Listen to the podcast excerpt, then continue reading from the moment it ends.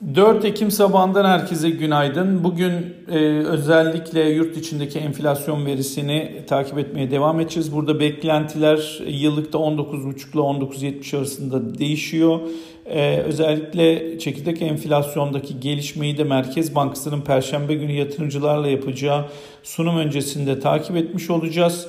Gün içerisinde yine Eurogrup toplantısı ve OPEC'ten e, gelecek açıklamalar takip edilirken Amerika tarafında fabrika siparişleri ön plana çıkıyor. Tüm hafta boyunca Çin piyasalarının kapalı olduğunu tekrar hatırlatalım ve özellikle cuma günkü tarım dışı öncesinde dolar endeksinde geçen hafta yaşanan yükselişin son bularak e, belki parite sterlin dolar altın ve gümüşteki son dönemdeki yukarı hareketleri destekleyici bir ivme olabilir. Borsa İstanbul için 1400 ee, pivot nokta olmak üzere aşağıda 1390 yukarıda 1410 takip edilebilir. Kur tarafında da 880 aşağı geçilmediği sürece bugün için 880 890 arasında bir dalgalanma bir fiyat hareketi olmasını bekliyoruz. Herkese iyi günler bol kazançlar diliyorum.